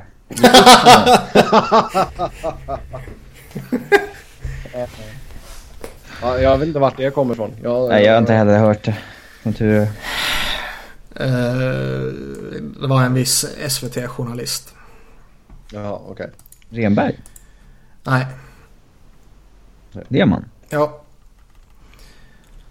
Eh, att nu är det liksom, eh, jag minns inte exakta ordvalen, men nu är det... eh, ja, nu har vi fått beviset på att det är Bäckström som har skapat Ovechkin. Ja, det är... För Det att fel. Bäckström kommer hem och vinner ett VM-guld liksom och är bra i typ tre matcher eller vad det var. Ja. Det kan man ju tycka är lite lustigt och eh, slå fast på det där eh, sättet när Ovechkin har kommit hem och vunnit eh, guld tidigare. Ja. Bäckström är en extremt bra partner till Ovechkin, så mycket kan vi säga. Men det är Ovechkin som är av yttersta världsklass. Har du fattat det nu? Det har jag väl aldrig... Ja, det är okej. Jo, Nu, nu, nu tar vi och lugna ner oss här nu. Det som jag har sagt tidigare det är att Bäckström är en jätte, jättebra center. En av ligans bästa centrar. Och att han har hamnat i skymundan av Ovechkin. Nej. Och att han ska ha mer cred för det han gör. Nej. Nej. Men att han på något sätt skulle ha skapat Ovechkin, det, då är man fel ute. Ja, och det var du. det, har, det har jag aldrig påstått. Det du påstod som var absurt. Nej. Det var Nej, att det var... Ja, men det exakta ordvalen var att du sa att det är Becky Exakt. som driver kedjan. Så jag. Och då sa du, för att Beckers gör 50 assist. Och då sa jag, och jag gör ju 50 mål. Det har jag inget minne av. Så... eh, Nej, det, är så korkat så du har förträngt det. Gräv i arkivet. Men det var inte det jag sa. Eh, Jo, jag ska fan leta fram det. Nej, tyst på uh, Sista frågan här. Kunde vara intressant, eller nej, den ska vi ju spara till sommaren. Um, prata gärna lite om vad det skulle kunna ta för vändning i Avs om man rensar det i ledarstaben plus att man hör sig för att få prata med Kyle Dubas. Man har ju sparkat eh, assisterande coach Tim Army som har varit där i sex år. Man har sparkat Dave Farish som Patrick Roy tog in som backcoach. Randy Carlisles gamla högerhand. Eh, och han... Eh, han var dessutom lite uh, åsidoknuffad redan i år för att man tog in en ny backcoach och Farish fick inte vara med i båset utan han var någon sån här observer från läktaren typ. Eh, så att... Eh, och sen så gjorde man sig av med eh, François Allaire. Mm. Goaltending-gurun. Man skulle ta in någon finländare som Ja, vad fan jobbat skit? med... Fast han verkar... han, verkar han verkar ha jobbat med uh, Varlamov tidigare. Ja, så det är ju inte dumt. Mm. För man har ju bestämt sig för att protecta Varlamov i expansionsdraften. Eh, inte Pickard. Så att, eh, det är väl rätt melodi. Och det är väl också trevligt att man får tillåtelse att prata med Kyle Dubas av Toronto. Men det är nästan mer intressant ur ett Toronto-perspektiv än ett Äs-perspektiv. Fast det verkar... Ja, det håller jag med. Men det verkar ju som att uh, den dörren är död nu. Att... eh, Ja, var, Men, om, eh, om man läser, vad var det? Friedman tror jag det var. Om man läste honom så var det ju att eh, det här snappar vi upp i vad det visar sig i rätt stor efterhand. Att de har fått tillåtelse och sen har tillåtelsen typ dragits tillbaka eller något sånt där. Redan innan vi fick, eh, ja, hörde något om det. mm. Så det verkar Ja, ju som det- att de har eh, förbjudit honom nu. Men jag håller med dig det, det du börjar om att det är snarare mer intressant för Livs än för Abs. Det var in... och det är lite oklart huruvida, också oklart huruvida Kyle Dubas kontrakt går ut eller inte. Friedman skrev någonting om att vi får väl se i juni helt enkelt. Eh, när han, för en del har sagt att han troligtvis inte är tillbaka till nästa år. Fast det är någon som har sagt att han i tysthet har signat en förlängning. Ja. Nu fan det inte skulle läcka ut ur Toronto. Då har ju Ja. Morello verkligen lyckats med den här... What Fast, happens. Fast det, int- det intressanta är ju att han, eh, Dubas, hade ju målats upp som liksom Livs kommande stora namn. Och- Ja, det var liksom eh, Shanahans första hire. Eh, han tog in den som ansågs vara den smartaste up and coming front office-figuren i liksom hockeyvärlden. Mm. Eh, och eh, han var ju interim GM. Eh, det var han som skötte Castle-traden bland annat. Och sen när Lula Morello kom in så har allt ändrats liksom. Och det har man ändå misstänkt också. Ja, det verkar som att Lamorello har ju svängt över lite mot Mark Hunter. Att, Ja, de har ju promotat honom så att att Uncle Lou Han- ser honom som hans eh, efterträdare. Ja, det känns väl inte helt otippat. Sen kan jag väl tycka att det är ju inte Uncle Lou som ska utse sin efterträdare. Nej, tycker inte jag heller. Eh, men... ehm, Mm. Ja, så det är, ja, det är mer intressant ur ett Toronto-perspektiv än ett Avs-perspektiv, tycker jag. Eh, men... Det skulle Det är däremot kul. vara spännande att se en sån snubbe få ta ansvaret. Alltså Chaka i Arizona har ju under de förutsättningarna gjort det bra. Och det skulle vara skoj Ja, det att se Cal Dubas i, eh, i ett lag. Ja, Det hade varit superintressant att bara se honom ta över AS med de pusselbitarna de har och se vad han skulle hitta på. Ja. Absolut. Ja. Med det så säger vi tack och hej för den här gången. Som Du vanligt. glömde två scener som jag skickade. Ah, okej. Är Läs det här den mest ojämna centeruppsättningen mellan finallagen någonsin? Ja. Eh, någonsin vet jag inte men eh, I modern tid. i modern, Modern tid, tid. ja. Ja. Alltid lite diffust uttryckt det där. Modern tid. Eh, Kapperan kan man säga. Anser ni att NHL skyddar de största stjärnorna i ligan när det gäller domslut, utvisningar, straff och så vidare? Hur tycker ni att det ska vara? Borde det inte vara lika för alla? I en perfekt värld så hade det varit lika för alla. Men nu är det inte så. Star treatment är ju alldeles uppenbart a thing i ligan. Ja, Jag, jag är dock lite... Alltså det här med att Crosby skulle vara överskyddad, det är lite tramsigt. Nej, det vet du är sant. Okej, en spelare genom tiden har blivit avstängd för någon attack mot Crosby. Vad sa du att? Det är bara en spelare väl som har blivit avstängd för någonting som han utförts mot Crosby. Jag vet inte. Men alltså där är ju ligan smarta. De skyddar honom utan att göra det uppenbart. De gör ju inte det. det här jag vet. Men, men eh, alltså det finns ju en start treatment. Det vet man ju. Alltså det... Ja, men det är också så här diffust huruvida ett... ett eh, eh, om det är ligans ansvar att liksom... Eh, ligans eller lagens ansvar att liksom säga ifrån om du gör någonting mot en star liksom. Eh, Nej men alltså jag kan tänka mig att den här frågan grundar sig i uh, Getzlaff. Mm. Där han uh, slängde ur sig lite homofobiska uttryck mot... Uh, det var domare va? eh, Mm. Han säger bara att det var allmänt. Men ja. Ja, jag för mig det. Snacket var väl att det var riktigt, riktat mot en domare och jag tror det var cocksucker. Mm. Ehm, Det är Och- otrevligt. och han fick ju 10 000 dollar böter var det va? Eller var det 5? Ja. 10 tror jag. 10, det är max. Och eh. Andrew Shaw blev ju avstängd när han gjorde det. Alla hatar ju Andrew Shaw. Så det är klart han ska få skit. Ehm, Mm, det kan också vara det här... eh, Slutspel eller inte slutspel nivån.